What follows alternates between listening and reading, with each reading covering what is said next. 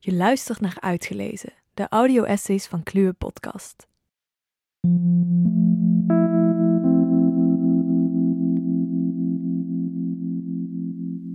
Bij Uitgelezen vind je audioversies van filosofische essays die wij de moeite waard vinden.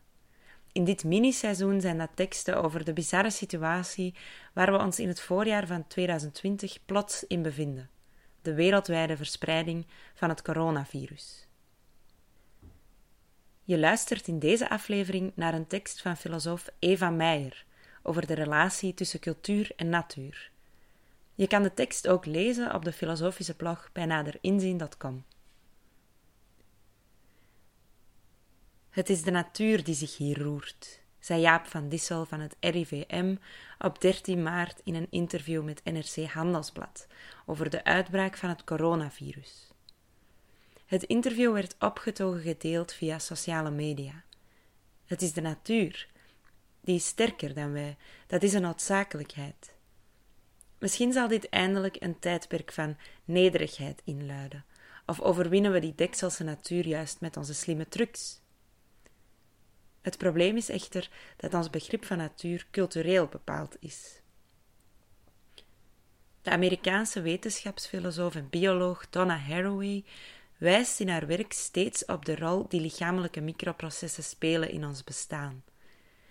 Denk aan zich vermenigvuldigende bacteriën, zich al dan niet delende cellen, het eten dat we opnemen en het afval dat we uitscheiden. Die processen zijn het fundament van ons leven. We bestaan uit materie. Dat we leven, hebben we eraan te danken. Dat is biologisch, schrijft Haraway, maar biologische processen zijn altijd ook door en door sociaal. Hierin zijn we bovendien altijd verbonden met anderen. Als materie en in tal van symbolische relaties en processen die bepalen hoe onze leefwerelden en lichamen eruit zien. In die relaties zijn we verbonden met mensen, maar ook met andere dieren en dingen. Het samenleven met honden heeft de genetische samenstelling van mens en hond veranderd. Bomen maken zuurstof, waardoor we kunnen ademhalen.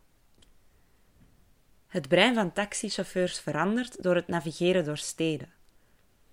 De hoeveelheid grijze stof in de hippocampus, het deel van de hersenen dat betrokken is bij navigatie en geheugen, neemt toe naarmate ze langer hun beroep uitoefenen. Als twee taxichauffeurs een kind krijgen, geven ze dat door. Het schijnt overigens dat er sinds de invoering van navigatiesystemen in auto's minder echtscheidingen zijn. Cultuur bepaalt de natuur, natuur cultuur. En veel zaken zijn een beetje van allebei tegelijk. Haraway noemt deze verklevingen van cultuur en natuur natuurculturen. Natuur is dus niet los te zien van cultuur. Een uitspraak als het is de natuur doet bovendien geen recht aan de wijze waarop een virus maatschappelijk gestalte krijgt. Dat wordt namelijk mede gevormd door de media en ons politieke systeem. De media speelt hier zoals vaker een dubbelrol. Enerzijds kan kritische verslaggeving een belangrijke rol spelen in het informeren van burgers, vooral in landen waarin informatievoorzieningen van overheidswegen achterblijft.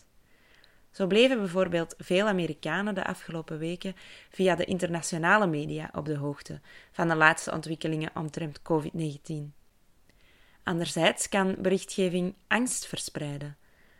Hebben met name sociale media een voortrekkersrol in het verspreiden van valse informatie en kunnen media al dan niet bewust mensen manipuleren, bijvoorbeeld door bovenmatig veel aandacht te besteden aan sommige zaken, terwijl andere zaken zoals de rampen die niet met corona te maken hebben, onderbelicht blijven. De politiek bepaalt niet alleen hoe er gehandeld wordt, maar ook welke belangen centraal staan. Het huidige politieke en maatschappelijke systeem, neoliberalisme of breder gezien kapitalisme, legt de nadruk op economische waarden. Goed regeren staat gelijk aan winst maken. Ook individualiseert dat systeem mensen, terwijl we groepswezens zijn en solidariteit en zorg net zo goed essentieel zijn voor een goed leven als jezelf manifesteren. Het denken in geld was goed zichtbaar in de eerste politieke reacties op de uitbraak van het coronavirus. We moeten Schiphol koste wat het kost overeind houden. Podiumkunstenaars hebben zelf voor hun bestaan als ZZP'ers gekozen. zelfstandige in het Vlaams. Het is er ook de oorzaak van. De meeste grote pandemieën en virusuitbraken van de laatste decennia, van SARS tot gekke koeienziekte, zijn zogenaamde zoonosen, ziektes die van dieren over zijn gegaan op mensen. Duidelijk is dat het grootschalig ingrijpen in de habitat van wilde dieren, zoals boskap voor de industrie en het verhandelen van wilde dieren, hier een rol in speelt. Mogelijke effecten worden vergroot door de intensieve veehouderij, die het virus makkelijk maakt zich te verspreiden. Nog los van het feit dat die praktijken ethisch niet in de haak zijn, laten deze uitbraken zien dat onze gezondheid niet los te zien is van die van degene met wie we de wereld delen. We maken deel uit van dezelfde natuurculturen. Precies daar, in die verstrengeling met anderen, ligt echter ook de mogelijkheid om het anders te doen. Om te begrijpen dat we als mensen deel uitmaken van allerlei voorspelbare en onvoorspelbare processen, in plaats van daarover te kunnen heersen.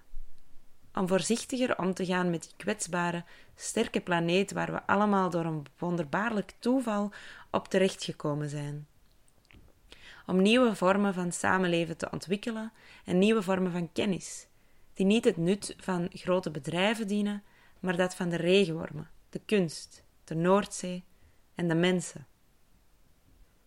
Dit was Uitgelezen, de audio-essays van Kluwe Podcast. Met deze keer een audio-essay van filosoof Eva Meijer.